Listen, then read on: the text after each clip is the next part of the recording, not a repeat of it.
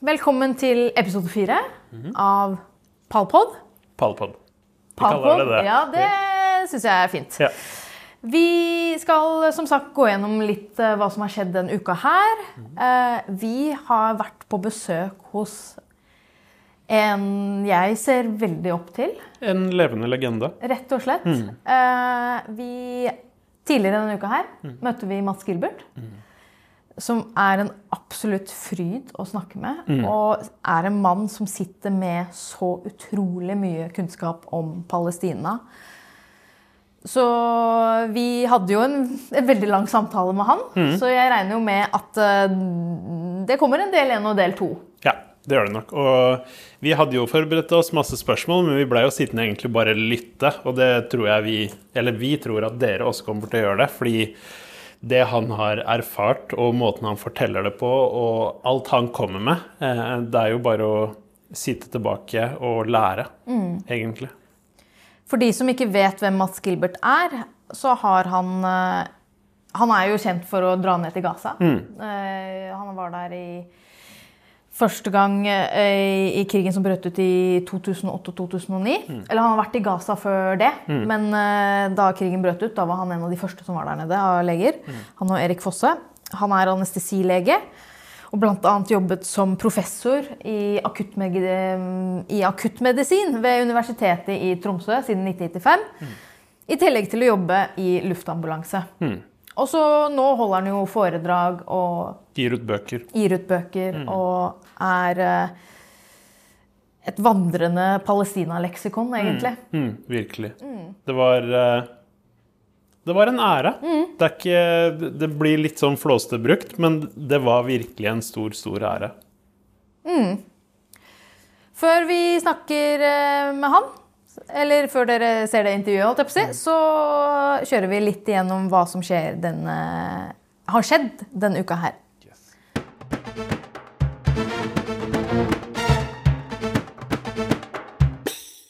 FNs sikkerhetsråd eh, hadde en eh, avstemning denne uka her. Mm.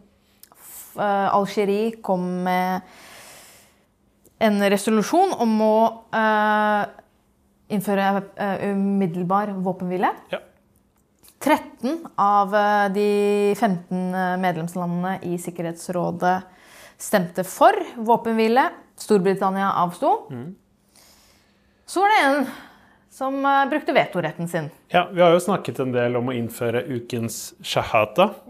Den hadde vært passende nå. Vil du også si hva en shahata er? Ja, altså en sandal eller tøffel som eh, blir aktivt brukt blant palestinere, kan vi si det sånn? Uten å kaste mamma og pappa under bussen. Eh, men 100% passende nå. Jeg tror den hadde bare vært dedikert til eh, USA, som mm. brukte vetoretten sin igjen. Grunnen til at USA brukte denne vetoretten, var jo fordi en ting er at de, har, de vil komme med sin egen resolusjon om hvordan denne våpenhvilen skal funke. Og fordi å kjøre en eh, Altså de brukte vetoen fordi det kan komme i veien for forhandlinger om våpenhvile. Mm. For det har jo vært forhandlinger mellom Israel og Egypt, Qatar og USA. Men eh, det virker jo som om hvis et annet land foreslår våpenhvile, da Og så er det på en måte alltid de samme tingene som kommer opp igjen, da, det med å frigjøre gisler og sånn. Og skjønner at det er eh, fortsatt på agendaen, men hvor mange menneskeliv må være kontrasten til de gislene? Den frustrasjonen der Ja. Jeg skjønner ikke Jeg skjønner ikke hvorfor det er en veto, egentlig. Nei, jeg gjør ikke det, jeg heller, faktisk. Jeg, hva er vitsen med å ha veto i et sikkerhetsråd når eh, Hvis 13 land stemmer, og så er det samme landene som kan bruke veto, og så eh, tror jeg ikke de har Nå er jeg ikke helt sikker, men jeg tror ikke de har en limit på hvor mange veto de kan slå ned. Nei, nettopp. De har veto i en viss periode, tror jeg. Eh, men hvor mange ganger de bruker den, det kan de bare Ja. Så hva er vitsen med denne avstemningen? da? Kan de ikke bare prate sammen og si nei, vi slår ned veto, så slipper alle å gå i den salen? Og... Akkurat. Og hvis vi sier noe feil der, eh, send oss en mail. Fra noen litt dystre nyheter til noe som har skjedd i Norge, er jo at Bergen Ap vedtok lørdag å gå inn for boikott av israelske varer fra okkuperte palestinske områder. Det betyr at de går imot eh, sentralstyret i Arbeiderpartiet, som er kjempebra.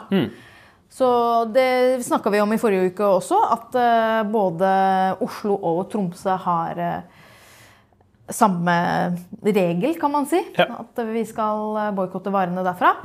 Nå er Bergen med på ballen, og så håper vi at flere og flere kommuner eh, blir med. Absolutt. Og få snudd da sentralstyret. Apropos boikott. Coop dropper poteter fra Israel. Obama vurderer å kjøpe produkter fra andre land. Fordi eh, mange forbrukere sannsynligvis vil velge bort varer fra Israel. Det betyr Boikott funker. boikott funker. Yes. Så det er bare å fortsette å boikotte, folkens. Poteter. Dadler. Smak av fra Coop. Boikott. Klementiner fra Kiwi. Det snakket vi kanskje om sist gang. Men klementinene fra Kiwi, de er fra Israel. Er du i området i, i et, like ved et Palkom-kontor, gå og hent klistremerker. Mm. Sett dem på noe frukt. Ikke på frukten, men på boksen til frukten. Bra. Og spesielt det med dadler, altså, for det treffer på en måte dypere. Altså boikott alt for all del, men det er stjeling. Det er så stor del av kultur og identiteten vår. Så fortsett å boikotte. Det gir kommersielle konsekvenser, og det, det er veldig fint å se. For dere som observerer eh, ramadan, som begynner om tre uker, så ikke kjøp. Eh, Det fins dritgode palestinske dadler. Ja. Sånne King-dadler. De er så store. Ja. I masse forskjellige sånne uavhengige grønnsakssjapper. Kjøp de! Det er valuta for pengene, og du støtter palestinere. Oslo Met fryser eh, utviklingsavtale med Haifa. Styret ved Oslo Met vedtok tirsdag å fryse utvekslingsavtalen med Israel. Noen full akademisk boikott blir det ikke, men det er en start. Det er en start. Og Universitetet i Sør-Øst avslutter samarbeid med universiteter i Israel også. Så man begynner jo å se Nå skjer det ting, Nader. Vi trenger en sprekk, som En sprekk. Josef sa. Eh, og nå har også, nå går vi litt videre, men den nederlandske ankedomstolen beordrer regjeringen til å blokkere eksport av eh, F-35-deler til Israel. F-35 er jo eh, jagerfly. Som eh, blir brukt i Israel. eh, fordi de mener at eh, det at man bidrar til eksport av våpen til Israel, er en del av å bryte fol folkeretten. Og det at de gjør det, vil jo også ha en effekt på Norges eh, eksport av F-35-deler, som vi også eh, Kongsberg Gruppen eh, gjør. Yes. Det er én ting til jeg vil snakke om, og det er jo at apropos ramadan, så viser det seg at Netanyahu har sagt hvis ikke gislene frigjøres innen 10. mars, så kommer de til å invadere, eller gå inn med bakkeoperasjon i Rafah. 10. mars eh, er ramadan. ramadan. Hvert år under ramadan så blir eh, palestinerne ekstra utsatt. Det er både i, eller spesielt på Vestbredden, hvor, når de skal dra til El-Quds og be fredagsbønn eller eh, bønn etter, eh, etter iftar, Ja. Som er åpning av eh, fasten. Mm. jeg er ganske bekymra for hva som kommer til å skje denne ramadan i Palestina. Man ser jo hvor uh, dypt uh, De har en veldig sterk gudstro, eh, i mm, både muslimene og, og kristne i Palestina. Jeg leste også et sted at de kommer til å begrense hvor mange som får lov til å dra til El-Quds. Eh, for å be eh, Man kan kalle det ramadanbønnene. Og jeg husker hvert år for to-tre år siden, og det skjedde sikkert i fjor også, at det israelske eh, militæret militæret. Eh, gikk inn og drev og skøyt folk inni moskeen og Det er jo noe veldig systematisk eh, nedverdigende her. For nå er eh, Gaza eh, Halvparten er jevna med jorda. Alle har blitt, fått beskjed om å flykte sørover. Det er ikke mat, det er ikke drikke. Det siste nå er jo håp og tro. Eh, og jeg blir ikke overraska om de pisser på det i år også.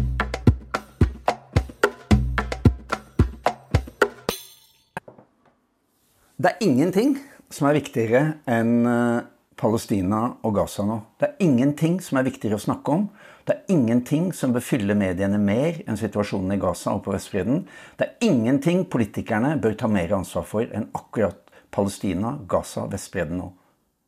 Det er vår tids aller, aller viktigste politiske skandale og overgrep mot et helt folk. Derfor er vi nødt til å snakke om det. Igjen og igjen.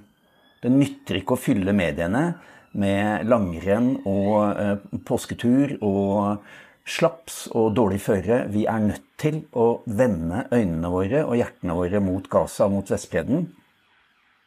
Det må ikke skje igjen at vi snur oss bort. Og det må ikke bli sånn at det skal gå 75 år til før en Marte Michelet avslører hva Norge ikke gjorde når et annet folk ble utslettet. Eller forsøkt utslettet. Derfor er dette så jævlig viktig å snakke om.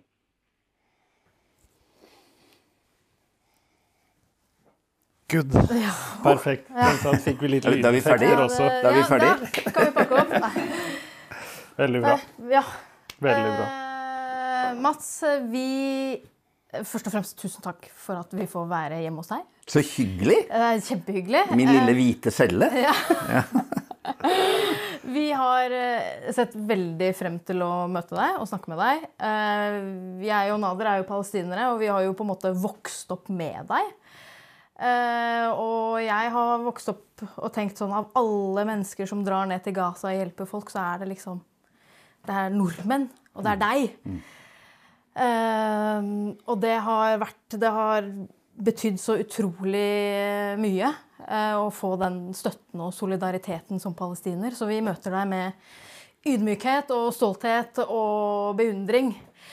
Eh, og så er vi helt sinnssykt nysgjerrig på hvem du er, og hva du har opplevd. Eh, så tusen takk. Uh, Afwan uh, og Ahlen, velkommen til mitt lille hus. Ahlen, Ahlen. Og uh, salam aleikum, selvfølgelig. Uh, og ishmala kabibti. eh. Men eh, det var en veldig hyggelig åpning. Men eh, jeg kommer nok til å si det flere ganger. Jeg er ikke noe helt. Heltene er i Palestina. Det er våre brødre og søstre, og det er mine kolleger. Det er tapre medisinstudenter som nå står og gjør avansert kirurgisk arbeid. Det er jordmødre som risikerer livet for å ta imot fødende. Det er ambulansearbeiderne, ikke minst, som blir drept for fote og likevel ikke forlater sitt folk. Så eh, jeg er takknemlig for den rollen du vil gi meg, men det er en rolle jeg ikke ønsker å ha. Eh, fordi jeg ønsker å snu eh, prosjektøren og sette lyset på de palestinske kvinnene og mennene. fordi de er Ja. De er de virkelige heltene, og de slåss for livet. Og i en sånn orientalistisk kontekst så blir alltid vi hvite, blåøyde, blonde eh, Vi blir liksom framstilt som de som ordner opp. Og det er veldig tydelig nå, har vært det tydelig i fire måneder. Sånn er ikke verden for det globale sør. De kjemper den kampen stort sett ganske aleine. Jeg tenker jo ofte at det palestinske folk trenger, trenger folk som deg.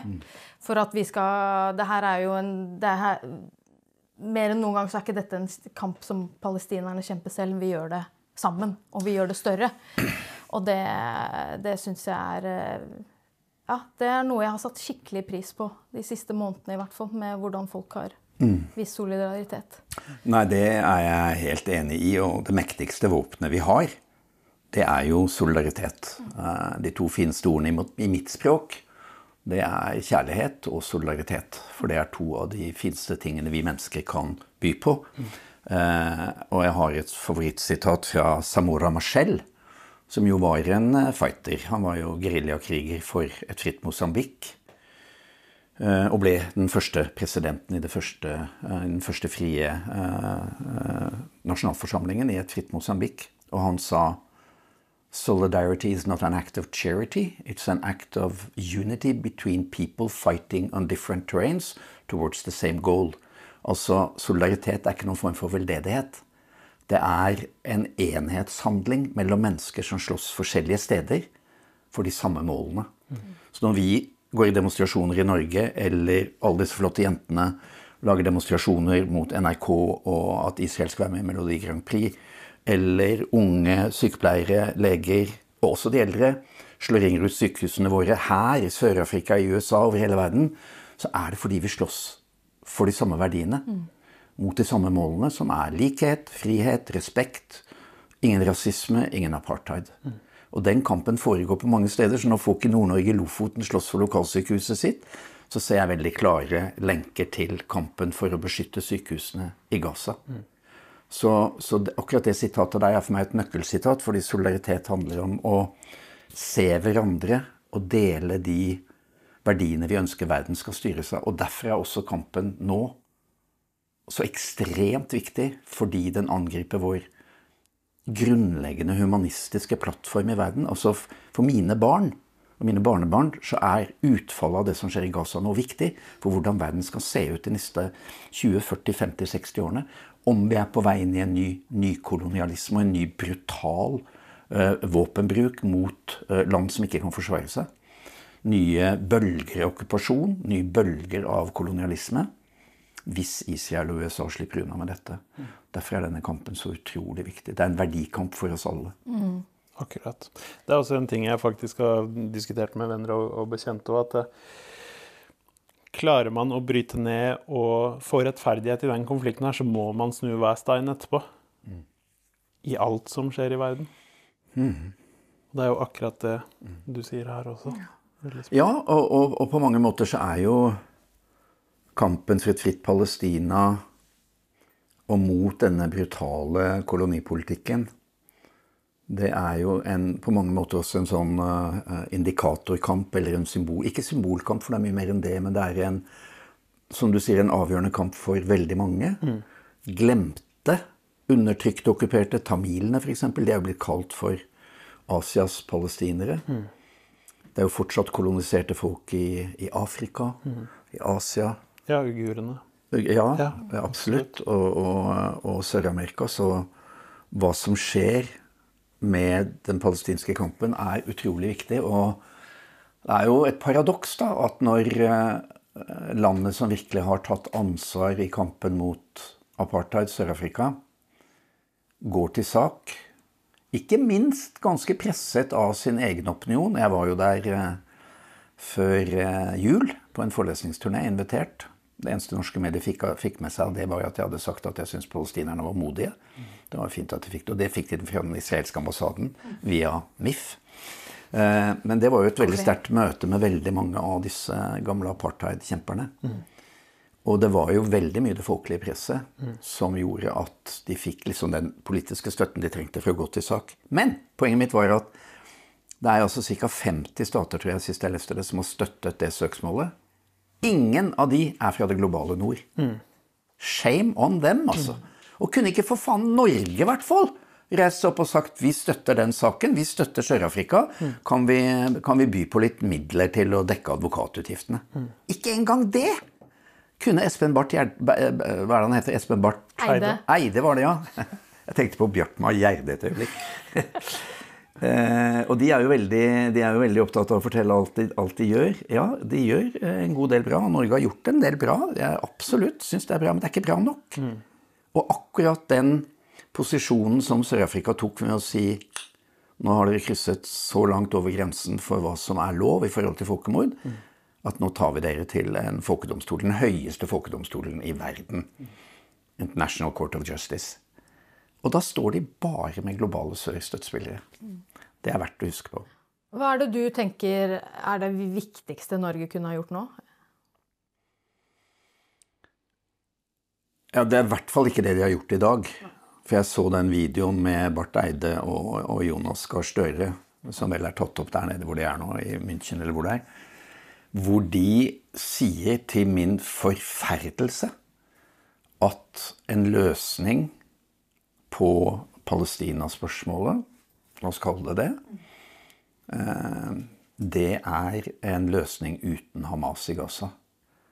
Og da lurer jeg på hva som skjedde med selvstendighet, demokrati og folkestyre. For det folk jo har glemt, hvis de noen gang visste det, det er jo at Hamas ble valgt i 2006 med et, et jordskred av et valg. Hvor de sopte rent bord og fikk rent flertall i den palestinske nasjonalforsamlingen. Og det valget ble altså gjennomført med valgobservatører fra Europa. Og ble godkjent, ikke bare godkjent. eh, Statusen til de valgobservatørene sa jo at dette var et prikkfritt gjennomført demokratisk valg. Første demokratiske valg i et arabisk land. Og så vinner altså partiet til Hamas fordi de var enormt populære. Fordi de var et velferdsparti, de var ikke korrupte. De så etter at folk fikk barnehager, at de fikk helsevesen osv. Så, videre. så de vant jo det valget også på basis av mistilliten til selvstyremyndighetene PA, Fatah og all korrupsjonen der. Og så lager de da en enhetssamlingsregjering. De kunne laget en, en flertallsregjering uten å ha med noen andre partier. Men de inviterte da de andre med. Først og fremst da Fatah og, og, og PA, selvfølgelig. Fordi palestinsk enhet er det sterkeste våpenet dere har i kampen mot okkupasjonen. Og det ble jo da godkjent av Norge. De anerkjente den regjeringen. Russland anerkjente den regjeringen. Jeg tror det var et par land i Sør-Afrika også. I, ja, i Sør-Afrika, ja. I Afrika. Og så gikk det, jeg husker ikke hvor lang tid det gikk, et par uker, og så innførte da Israel De stoppet alle disse skattene og avgiftene, tilbakebetalingen. De, eh, og USA var jo helt rabiate. Fordi, nettopp fordi palestinerne opp, opp, oppnådde enhet gjennom en veldig også smart politisk move fra, fra, Hamas, selvfølgelig, at de inviterte de andre med en enhetsregjering. Og så kommer da angrepet i 2008-2009. Så kommer blokaden av Gaza. 16 år med blokade. Bombing til helvete og tilbake.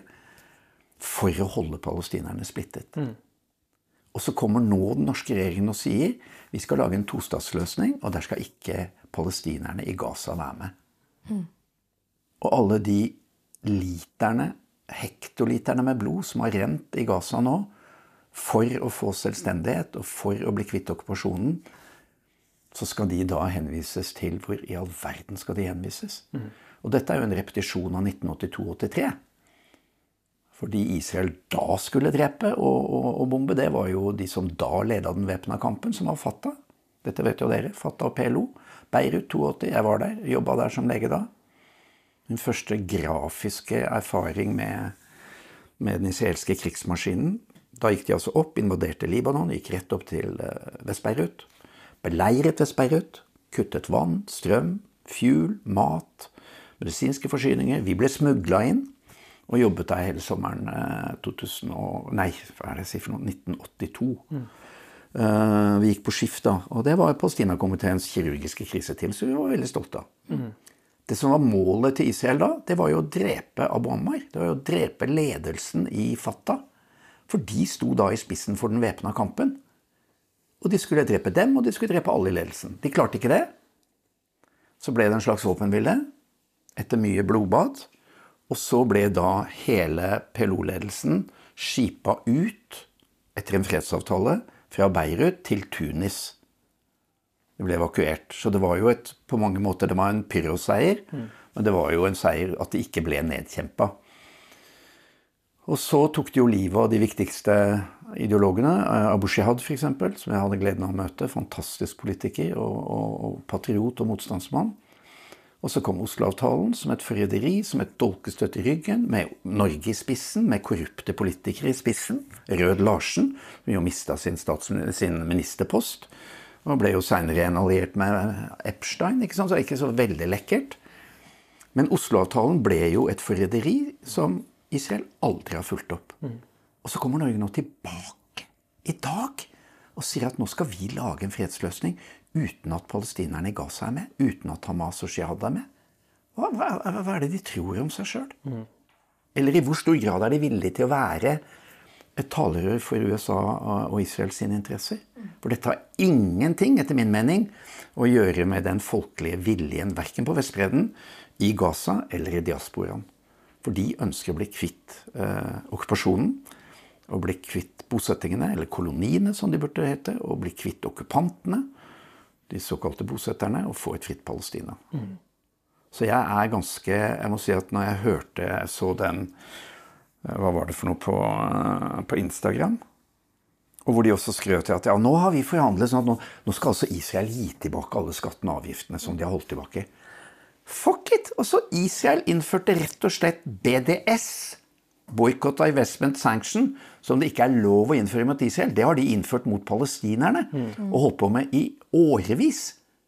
Og tynt dem økonomisk. Og så skal det at det som tilhører Palestina, nå kommer tilbake til Palestina, det skal framstilles som en sånn stor forhandlingsseier mm, mm. for norske, norske, politikere og den norske regjeringen. Jeg blir, jeg blir, helt gal. Det var akkurat eh, det Jeg så den Instagram-posten selv og tenkte sånn Men er ikke det her bare en selvfølge? På noe? Skal ikke de skal ikke lærere få betalt? Jo, med sine egne penger. Ja. Altså, dette er jo skatter og avgifter. Dette er jo fra alle de palestinske dag- og ukesarbeiderne som drar til Israel og bærer veldig mye av det israelske arbeidslivet. Mm. Derfor har jo de også store problemer nå, fordi de har jo etter 7. oktober så har de jo nektet palestinske gjestearbeidere å komme inn. Mm. Så, så, det der var helt Og, og merk deg, han snakket bare om betaling av offentlige tjenestemenn på Vestbredden, ikke i Gaza. Mm. Og der har jo Fata, nei, nei, PA har jo holdt tilbake betaling til lærere og leger i Gaza, i det spillet mellom Gaza og Ramallah. Så dette forsterker jo egentlig bare det. Ikke bra. Så hvor tenker du da at eh, fokuset burde være for dem? Altså, Nei, Fokuset burde jo være på uh, umiddelbart stans i bombingen. Våpenhvile. De burde jo si våpenhvile ti ganger om dagen i alle de sammenhenger de er. Umiddelbar våpenhvile, varig våpenhvile. Full åpning av Gaza, heve blokaden umiddelbart. Og fri tilgang på internasjonal hjelp gjennom korridorer som er kontrollert av det internasjonale samfunnet, ikke av Israel. Full tilgang til medisiner, mat, fuel, elektrisitet, vann. Eh, og umiddelbart langsiktig start i planleggingen av gjenoppbyggingen av Gaza. Og kaste ut de israelske okkupasjonsstyrkene. Og så ga jo, eh, var det 10 milliarder Jonas nettopp eh, ga til Ukraina. De gi 20 milliarder til Gaza for å gjenoppbygge. Norge er, er, en viktig partner og har vært det. De har ledet giverlandsgruppen i mange år. Og så bør det selvfølgelig bli sånn at uh, krigsmakten Israel må betale krigserstatning. Mm. Det gjør de aldri. De sender regninga til det internasjonale samfunnet og soper inn profitten på å selge betong og armeringsjern og alt som skal til for å bygge opp. Det gjør de jo hver gang de har bomba Gaza. Så tjener de penger på å gjenoppbygge med våre skattepenger, bl.a. Mm. Så eh, det er noe av det som bør skje. Men først og fremst må man jo få fram en bred politisk, eh, varig løsning. Mm. Som betyr at okkupasjonen opphører, at bosettingene fjernes. Det ble jo sagt i dag i eh, Hvem var det? Det var en av dommerne som sa det i ICJ i dag. For i dag var det jo rettergang i forhold til anmeldelsen om Vestbredden. Ja. ja så det er jo en annen rettssak. Mm. Og Han hevdet jo det at Israel må trekke tilbake alle de ulovlige koloniene, alle de ulovlige okkupantene, også kalt bosettere og bosettinger. Veldig hyggelige ord. Mm. Det høres så fint ut. Nei, jeg bosatte meg, jeg. Jeg bosatte meg der. Nei, jeg tok hus til noen. Og så må det jo eh, selvfølgelig være en løsning som innebærer at palestinerne sitter i førersetet for de forhandlingene. Mm. At ikke de blir vist til en sånn skammekrok at de skal få komme inn når liksom de voksne har bestemt. Eh, og det gjelder jo både palestinerne på Vestfreden og, og, i Gaza og i diasporaen. Og et av de, et av de, et av de aller største svikene etter FN-vedtaket i 48, det var jo at de umiddelbart sa nei til at flyktninger skulle komme tilbake. Mm. Som jo var en del av vedtaket. Så det har jo vært, har jo vært altså 70-75 år med, med brudd på alle løfter, med brudd på alle internasjonale normer og med fullstendig skyldfrihet. Også en billett til skyldfrihet som har gjort at de aldri er blitt stoppet i sine krigsforbrytelser. Og jeg tror det er noe av grunnen til at vi har sett det vi har, har sett disse fire forferdelige månedene. Altså en rasisme, en brutalitet og en død uten sidestykke. Eh, og når en, en nasjon, en stat, en, en regjering, en hær, en hærledelse kan si at det å drepe 15 000 barn er selvforsvar, og det å bombe sykehus, universiteter og skoler er selvforsvar, og slippe unna med det mm. Da har du også da har du gjennom denne impunityen, denne skyldfriheten, i så lang tid på mange måter skapt et monster. Et rasistisk, brutalt militærmonster. Mm. Virkelig. Tenker jeg. Det er jo så sykt mye dritt, mm. hvis man kan putte det på den måten. Mm. Og det er så mye som skjer, som man leser alt fra okkupasjon til at man dreper barn, til at det, det her har holdt på så lenge, og, og, man får disse bildene fra Gaza og Vestbredden og man, man, blir jo veldig sånn håpløs. Kjenner du på det? altså, hva er det som driver deg videre, liksom? Eller er det noen ganger du bare har lyst til å mm. Nei, jeg, altså det som gjør at jeg ikke blir håpløs, er jo, er jo palestinerne. Ja. Og det er jo uh, tiår på tiår, det er jo 40 år nå, med nært samarbeid med dem.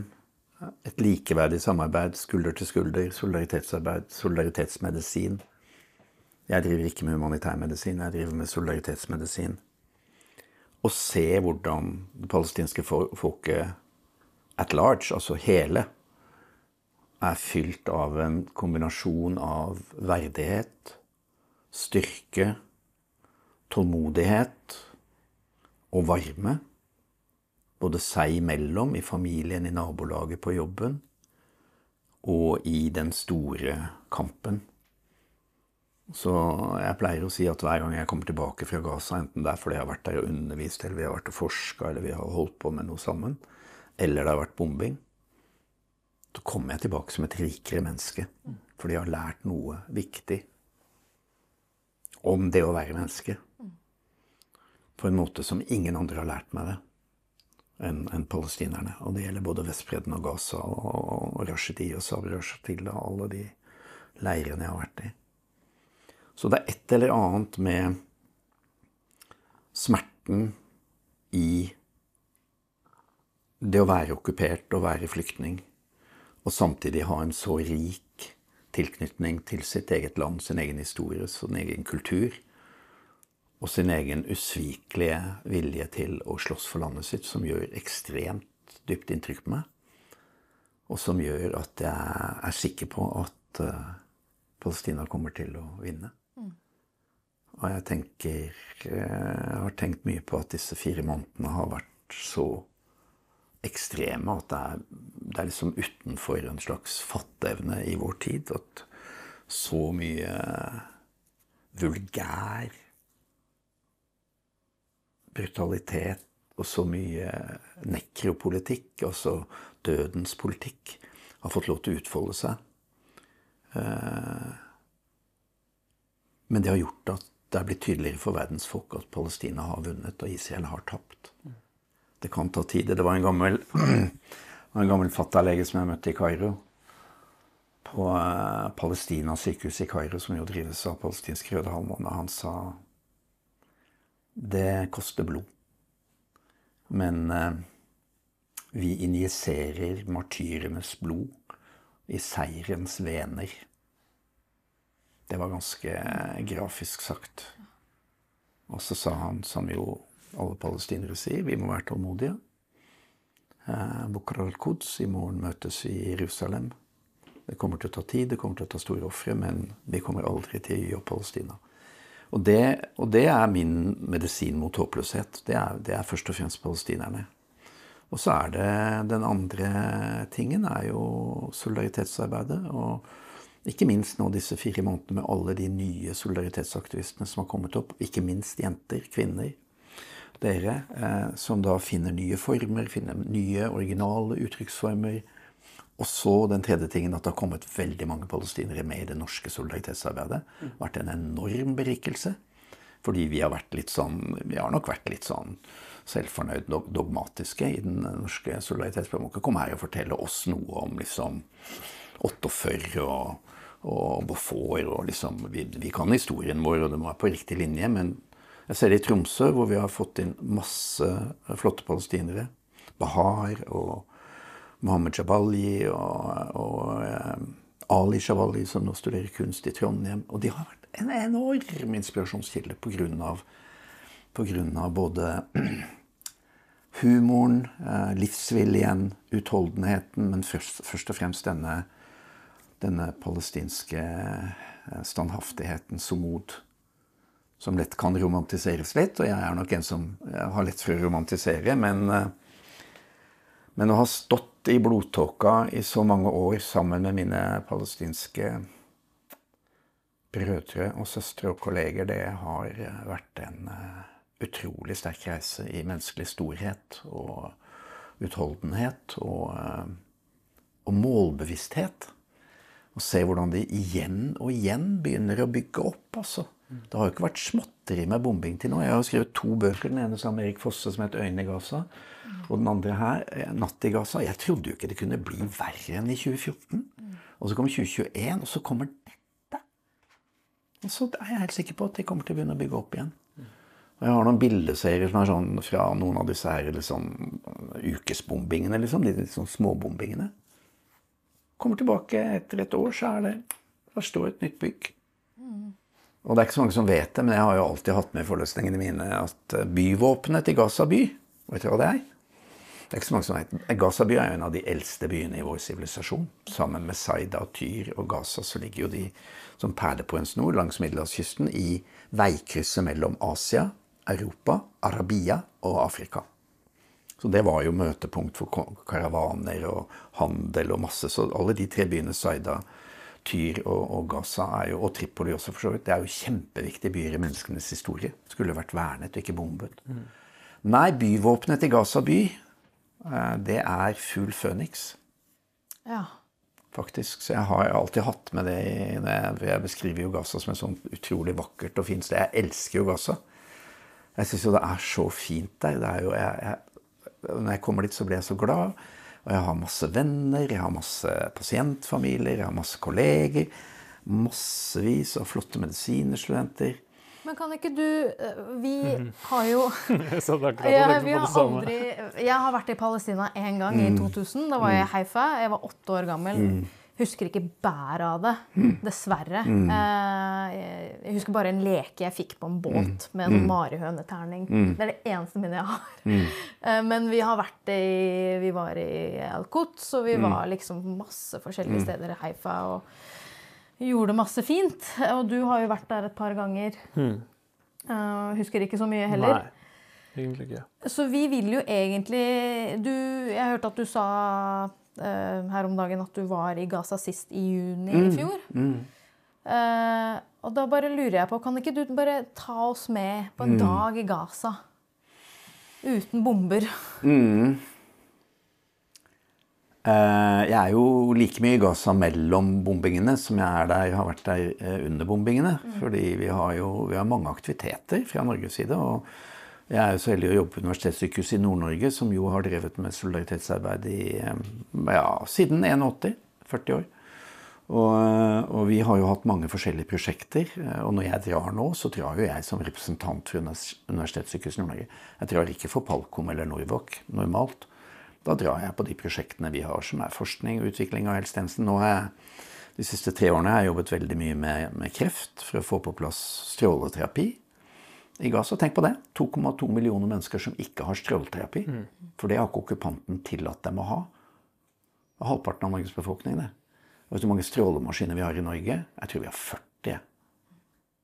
Sånn at en kvinne med brystkreft i Gaza, hennes femårsoverlevelse, den er på knappe 60% litt over 60% Femårsoverlevelse for en kvinne i Norge med brystkreft 97 For det at du får både cellegift, og du får kirurgi, og du får stråling. Det er jo liksom pakka for.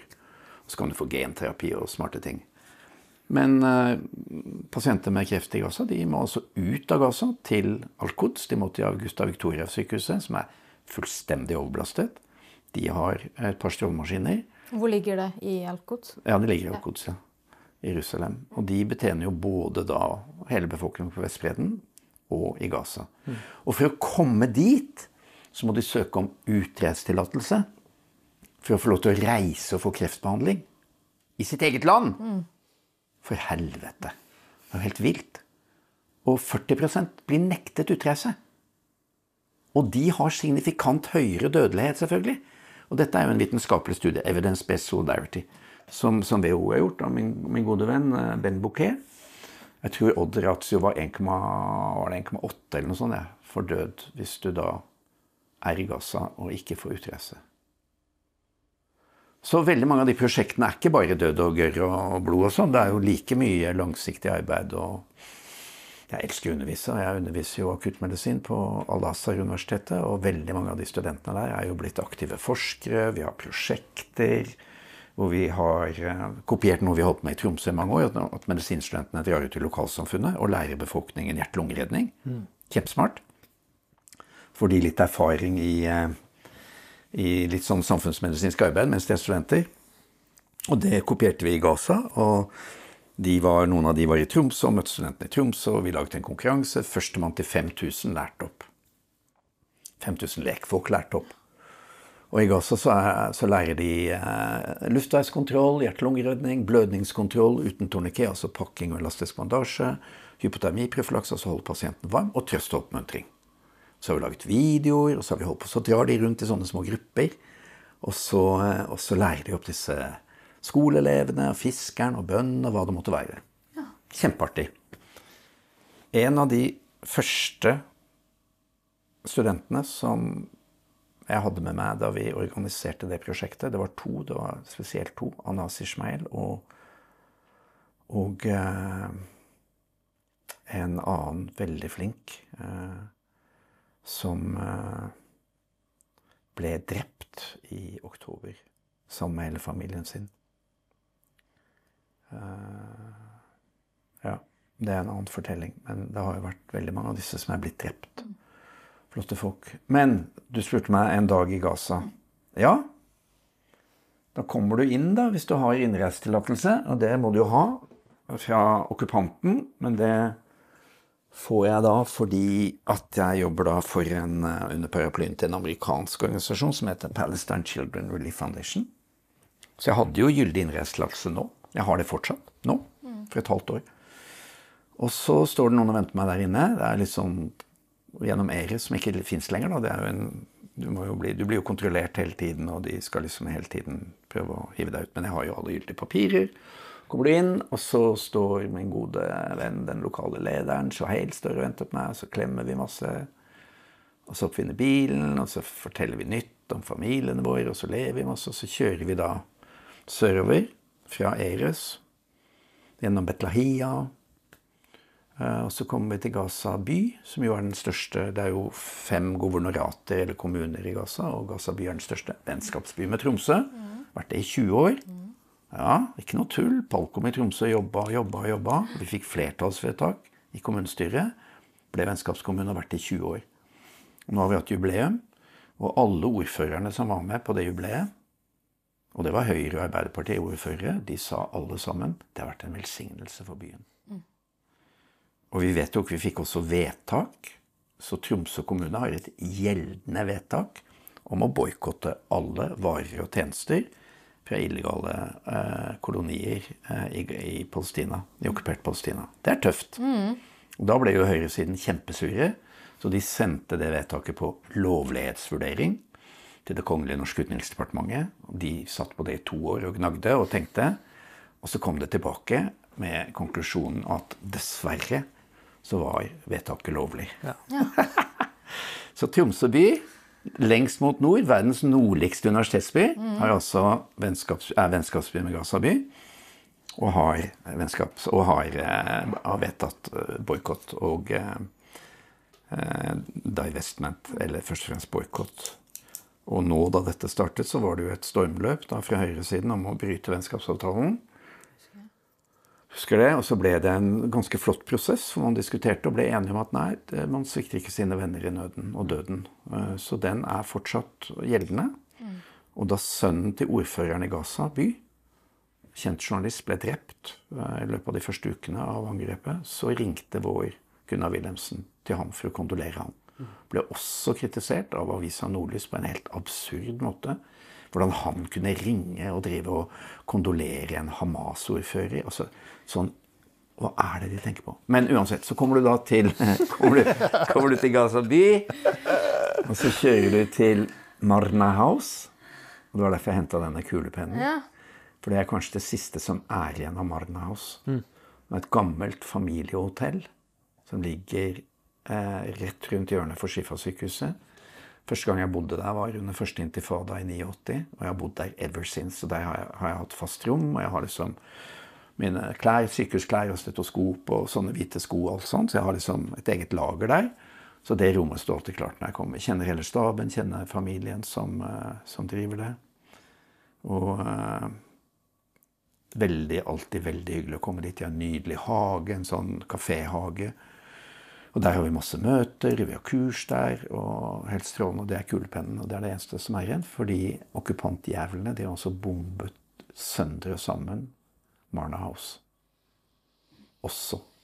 Og de har, så vidt jeg har hørt, har de drept åtte av de ansatte. Sannsynligvis også Jeg vet ikke navnene på det, men sannsynligvis også nære venner. Så Marna House var en sånn oase.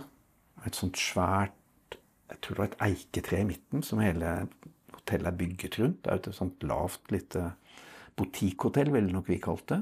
Med denne veldig fine eh, Marna Garden. Som var et kjent samlingssted for eh, radikale og ja, radiser opp gjennom intifadaene. Uh, og så er det litt avhengig av hva som skal skje. Så det første gjør, er at du drikker en sånn eh, limonade sånn, eh, med lime. ikke sant? Den der grønne, helt nydelige. Så godt. Og så sier de ja, you have to go and rest a little bit now. Long travel. Have a rest, have a rest. Og så har du en liten rest, og så starter arbeidet. Og så eh, Jeg går jo mye, nå, og tar lokale taxier. Eh, i motsetning til Ja, det er en annen historie. Jeg skal ikke fortelle det. Men eh, det å, gå, det å gå rundt i Gaza er fantastisk. Det er et yrende gateliv. Nå har det kommet, Før dette skjedde, så har det kommet poppa opp masse nye kafeer. Sånne kule coffeeshops. Og der sitter de kule unge palestinerne, da. Studentene. og det ser veldig Det er veldig hyggelig. Selv om arbeidsløsheten er 60% så finner de ut av det. De finner liksom løsninger hele tiden. Og Gaza er jo etter at israelerne trakk seg ut, så er jo Gaza blitt et bitte lite Palestina. Sant? Det er palestinsk trafikkpoliti, det er palestinske flagg overalt. det er palestin... Det er, altså, de ruler så godt de kan. Og det er noe helt annet enn å bevege seg på Vestbredden, hvor du jo blir stoppet av sjekkpunkt, og du får liksom påminning om, om apartheid-dritten hele tiden. Mens når du først er inne i Gaza, bortsett fra dronene, da, som du hører hele tiden, de israelske dronene, og du ser på kysten ser du de israelske kanonbåtene. Eh, fine gater, masse liv, masse ålreite restauranter, falafelsjapper med lange køer. For det er noen som er veldig veldig gode. De sier at de lager de beste falaflene i verden. lager de i, i Gaza. Det tviler jeg ikke på. Ja, det gjør de, altså. Jeg er egentlig ikke så veldig glad i falafel, for jeg synes det blir litt sånn fett, men den der Gaza-falafelen, når de moser den ut og hiver oppi alt det digg, og så går du der i hovedgaten og spiser, og kanskje med en brus, og så drar vi ned på stranda. Og de har jo en fantastisk corniche, sånn som i Havanna eller i Sevilla, i disse havnebyene som virkelig har pleid stranden sin. Fordi Gaza er jo 45 km langt. Det er jo et rektangel sånn. Og det er en maraton lang, og den vestsiden er jo Middelhavet. Og det er jo en endeløs 45 km lang sandstrand. Den er helt nydelig. Og i den øverste delen så er det en corniche, altså en sånn strandpromenade med lyktestolper og masse små kafeer. Og der kan du løpe, du kan gå, du kan trene, du kan spasere, og du kan gå ned på stranda.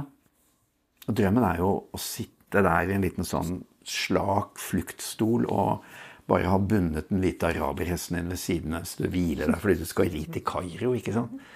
For det du kan egentlig, så kan du jo fra Kairo over Suez, så kan du jo følge den kystlinjen forbi El Arish, og så opp til Gaza, opp til Rafa, videre opp til Gaza by, videre nord langs Israel eller Palestina og Libanon.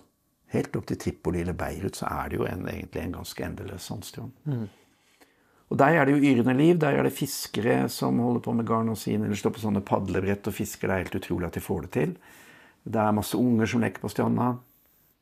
Det er folk som Det er jo Stranda er jo for Gaza-innbyggerne det er jo lungen deres. Det er Nordmarka, det er på en måte fjellet. Det er alt det vi har av sånne outlets. Når du kommer unna byen, så på fredager og lørdager og søndager så er det jo smekkfullt. Fantastisk middelhav. Men så er jo alle disse her kloakkrenseanleggene jo ofte ute av drift pga. strømblokade. De har jo bare strøm noen timer i døgnet. Og så bomber de jo disse kloakkrenseanleggene også.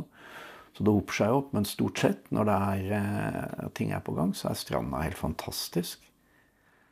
Så er det jobbing, da. Kanskje har vi noen intense kurs på universitetet, og da går det fra morgen til kveld. Og kommer tilbake til Marna og spiser litt, og kanskje ut og drikker kaffe med noen venner, eller blir jo invitert hjem på middag hele tiden og spiser jo maklobe annenhver dag og blir smellfeit. Ikke sant? Og, og, og alle luktene. Og ute på sjøen Jeg har noen gode venner som har båter, så jeg er ute og bader. Da drar vi ut fra kysten, og så ser du hele skylinen til Gaza. Helt nydelig. Og det er bygd noen nye fantastisk fine moskeer. Mye kritisert, for det er noen rikfolk som har bygd dem. De bygger moskeer som litt sånn monumenter over seg sjøl, som de, noen mener at de kunne brukt på noe annet isteden. Og så er det et yrende liv. Det har alltid vært et yrende liv av travelhet oppi all blokade og drit, så er det folk som holder på med noe hele tiden. Eh, men fattigdommen er jo også tydelig. Det har jo kommet mer eh, gatetiggere. Det har det ikke vært før. Barn som tigger. Ikke så mye, men noen. Og alle luktene, ikke sant. Luktene fra bakeriene, luktene fra fruktselgerne, alle jordbærene. De er jo rogo på å dyrke jordbær. Og da er det sånn, det er sånn fat som er så stort som dette bordet, med sånn to meter høye jordbærberg ikke sant, som du bare får lyst til å kaste deg uti. Så er det Jeg har altså aldri opplevd noe aggresjon i Gaza. Jeg går overalt og tar disse lokale servisene, hvor du De kommer jo og tuter hele tiden hver gang du ser noe. Så, så sier du 'jeg skal til Skiffa', f.eks. Så sier jeg 'jeg skal til Skiffa'. Og så kjører de videre. Eller 'ja, det er greit, hopp inn'. Og så kjører du, så hopper du over Skiffa. Så de går som sånne totalt anarkistiske busslinjer. Så koster det en sjekel, ikke sant. Og så sitter du der sammen med noen andre stuet sammen som du aldri har møtt før, og alle syns det er litt rart at jeg kommer inn. Hvem er det? Veldig vennlig, veldig åpent, veldig varmt.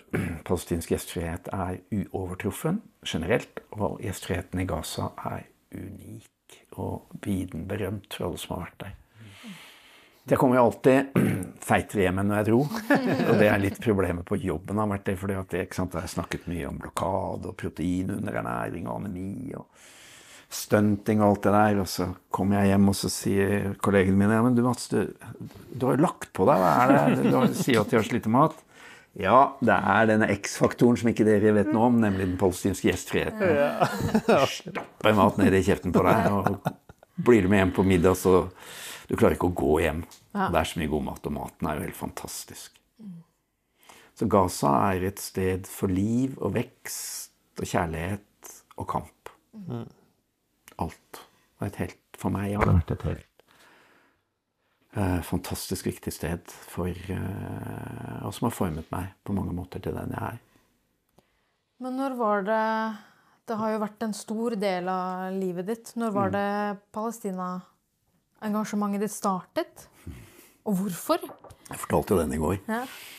Nei, jeg var, jo, jeg var jo Jeg har jo vært en ihuga ML-er. Jeg eh, var jo med på å stifte AKP, og var jo med i SUF ML, og det var det råeste. For de som ikke vet hva ML er? Marxist-leninist. Ja. Eller MLM. Marxismen, leninismen, Mao Zedongs tenkning. For å ha det helt Det var jo en viktig politisk rørsle i Norge da jeg gikk på videregående, på Katta. Jeg vokste opp på Lambertseter. Og så gikk jeg på Katta på videregående, og der var det jo masse. Det var et politisk verksted av, eh, med høy aktivitet, alt mulig. Og først så var jeg med i Nei til atomvåpen, og så var jeg med i solidaritetsarbeidet for Vietnam. Og da lærte jeg jo virkelig noe om antiimperialisme og hvor brutal imperialismen var. Eh, og eh, Det er bare Ingvild. det er bare Ingvild som syns hun fikk litt litt oppmerksomhet. Ja. Hei, Ingvild. Vi ser deg. Vi ser deg. Ja, Bra jobb. du gjør en fin jobb. Du og Magnus. Magnus klarer det fint, altså. Ja. sånn special attention seeking. Nei, eh, så var jeg veldig opptatt av internasjonal solidaritet. Eh, skulle egentlig bli veterinær, men så gikk jeg der et par år og så fant ut at det var ikke noe Når de drev og snakket om pasientens slakteverdi som grunnlag for om man skulle behandle pasienten eller slakte pasienten, det syns ikke jeg var så gærent. Så jeg hoppa over på medisin. eh, Og så var jeg veldig, jeg var kjempeaktiv politisk, som nesten alle var på den tiden. Solidaritetsarbeid.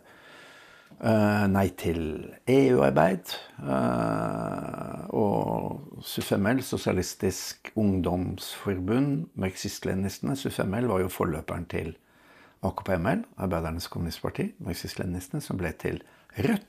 Nei, som ble til RV, Rød valgallianse, og som ble til Rødt. Og der har jeg vært med hele tiden. Jeg har ikke vært med i partiet. Der meldte jeg meg ut, for jeg syns det ble udemokratisk. Men jeg har jo sittet 16 år på fylkestinget i Troms for Rødt. Jeg har sittet i kommunestyret og holdt på med ja, parlamentarisk politikk i mange år. Men i hvert fall så var jeg da veldig ivrig. Eh, internasjonalist, tenkte jeg. Og så var det 67-krigen. Da var jeg akkurat ferdig med videregående. Og da var jo det en krig mellom Israel og de omliggende araberstatene. Og da gikk det ut en appell fra den israelske ambassaden i Oslo, der oppe dere vet, om at norsk ungdom måtte melde seg som frivillig for å erstatte de kibbutzene som skulle ut og slåss mot de skitne araberne. Jeg løp ned og meldte meg. Det der, For jeg hadde vokst opp med at Israel, det støttet vi.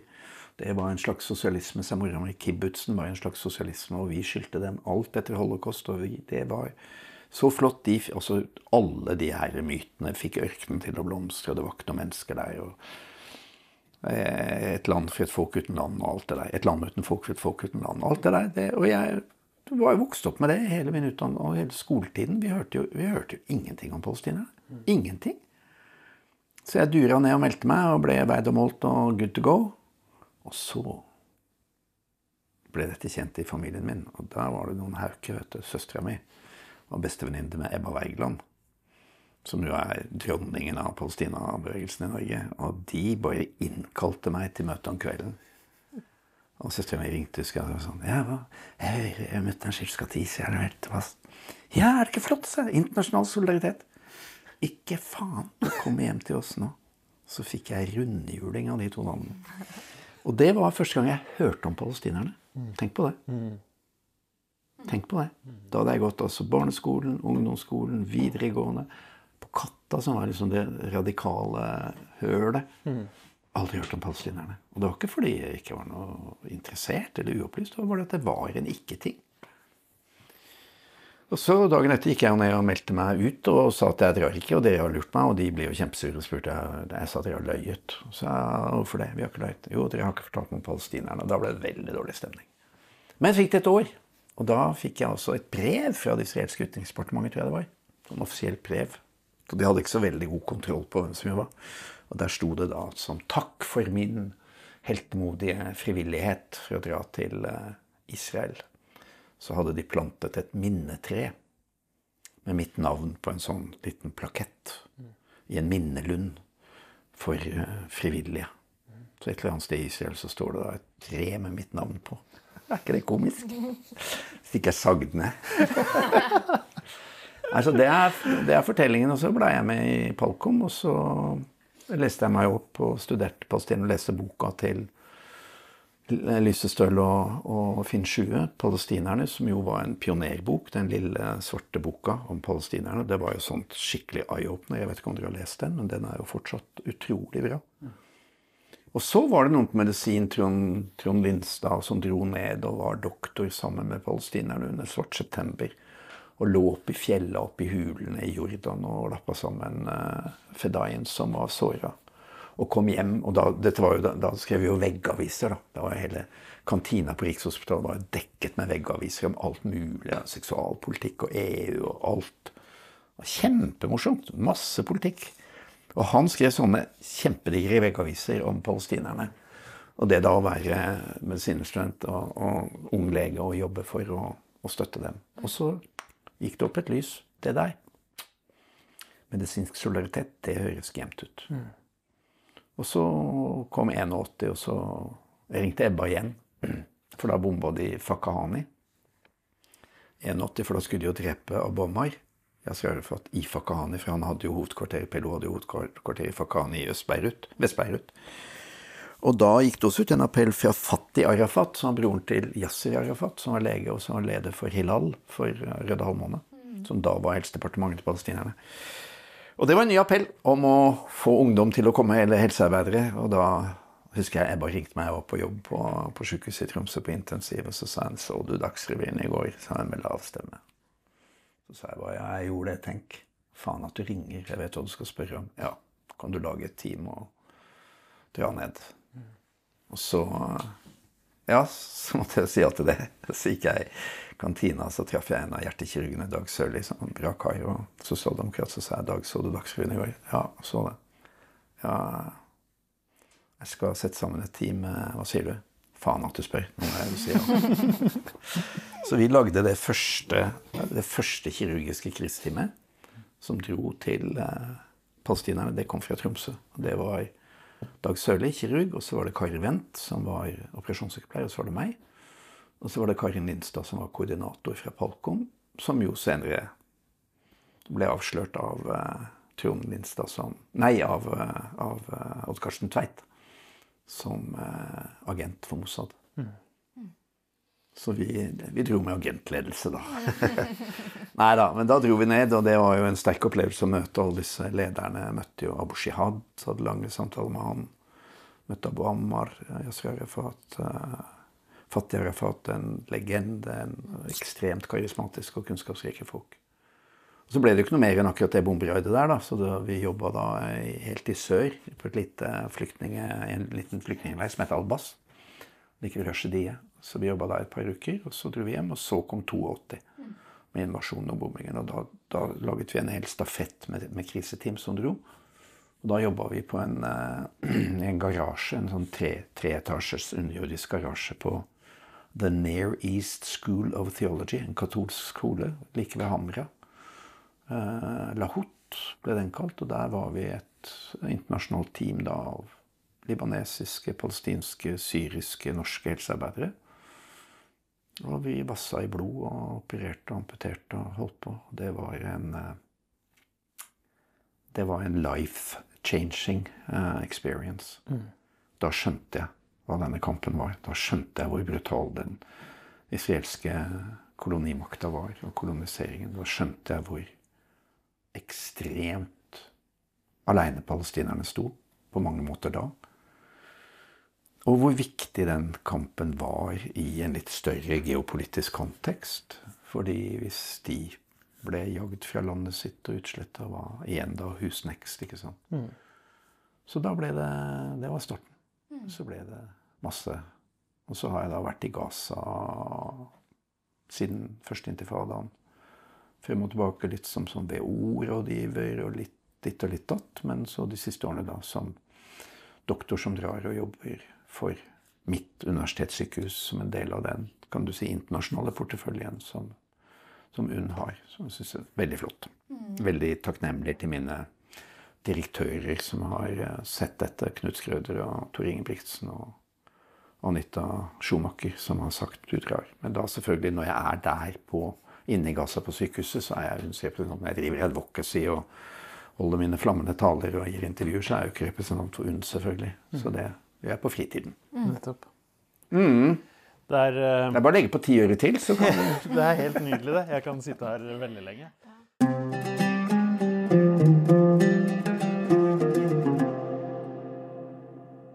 Nader, vet du hva det her er? Ja, det er sånn man tar på hvis noen har skada seg. Ja, bandasje. Det engelske ordet for det her er gauze, Ja. som er medisinsk bandasje. Det sa jeg jo. Eh, Det brukes over hele verden. Det er lett og tynt, luftig vevd. Og klistrer seg ikke på sår. Samme måte som andre bomullsbandasjer gjør. Og gås er oppkalt etter Gaza. Stedet det ble oppfunnet for flere hundre år siden. Og det som er gøy med det også, er at det, eh, denne bandasjen er vevd på samme måte som kofier er. Og hvis du ser liksom på kofien din og ser på bandasje, så ser du jo ganske Du ser at det liksom er litt sånne små firkanter. Samme struktur. Mm. Ja. Så det er uh, ukas somod. Mm.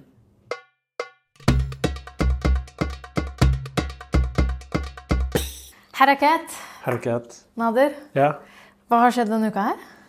Eh, Det jo Det har jo gått på Eller sirkulert på sosiale medier en, en eh, konfrontasjon mellom eh, Barth Eide, som skulle snakke, eh, og Fleksi Aukan på Instagram. Jeg tror det uttales sånn, i hvert fall. Em, og det jo Det var jo eh, mye som skjedde i den, eh, det klippet. Vi satt og så det sammen. Og følelsesspekteret er jo stort. Det går fra det er veldig harde ting som blir sagt. Um, og det er litt sånn Hvor skal man legge seg uh, i alt det støyet her? Um, og jeg syns det er fint at det er et spekter av følelser som blir vist. Noen er de vil poste på sosiale medier, noen vil gå i tog, noen vil holde appeller, noen vil uh, engasjere på andre områder, og noen er sykt forbanna eh, og går til Altså, han var jo ikke aggressiv på noen måte, men han var liksom høylytt og vokal og veldig tydelig, da. Og jeg syns det er fint at vi har, har det engasjementet, det spekteret, i, i landet vårt, da.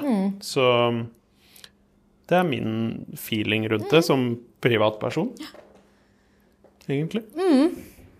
Veldig, veldig gøy idé av Ap å ha en sånn åpen dialogsamtale. Også det Modig. Men, det er modig, ja.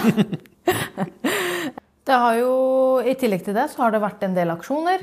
Utenfor NRK så er det jo fortsatt aksjoner hver morgen til 11. mai. Det har vært en lysmarkering utenfor Stortinget. Det har også vært en demo utenfor Stortinget. Barnevennlig tog i Bergen i helgen. Eh, Demonstrasjon i Stavanger. Og i Tromsø. Eh, og så hvis vi skal bare gå litt tilbake i tid, så forrige onsdag så begynte det en faste aksjon utenfor Stortinget. Da var det eh, seks uh, personer som enten fastet eller delvis fastet, har campa utafor. Utrolig uh, modig og sterkt. Eh, nådde helt fram til El Jazeera, eh, de nyhetene. Eh, men i dag så ble teltet tatt ned. Og viser jo litt sånn at eh, ytringsfriheten blir igjen eh, krenka, rett og slett. Eh, det var jo en, en aksjon utenfor den israelske ambassaden. Hvor politiet dukka opp nesten med en gang og sa at dere er en trussel og dere kan ikke være her. Selv om de bare står med, med visuelle bylter eller elementer. da. Så det viser jo at eh, Jeg håper ikke at det skremmer folk fra ikke gjøre ting. For det er viktig at vi fortsetter, og det er viktig at det er synlig.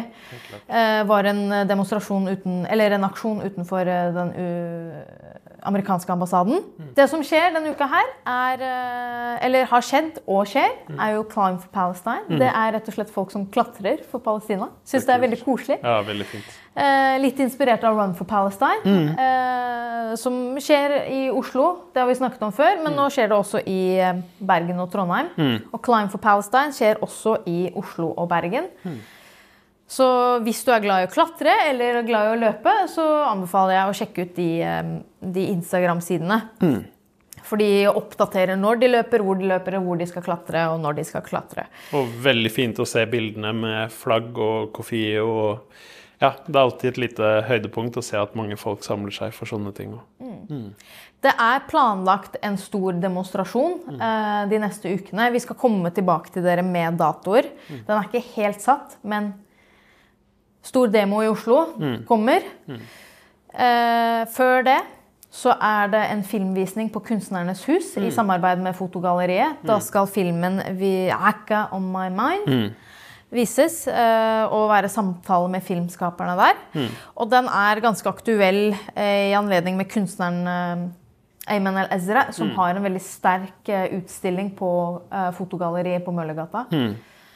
Som er The Lost Tapes of the People's Tribunal eh, fra 1982. Viser liksom hele rettssaken i 1982 og bilder fra Sabra Shatila. Sabra Shatila. Så eh, hvis du ikke har vært på den, så anbefaler jeg å gjøre det. Så følg med på Palkom sine sider, som sagt. Eh, er det noe som skjer i din by, så sender du en mail til Palestinapodden at gmail.com. Yes. Yes.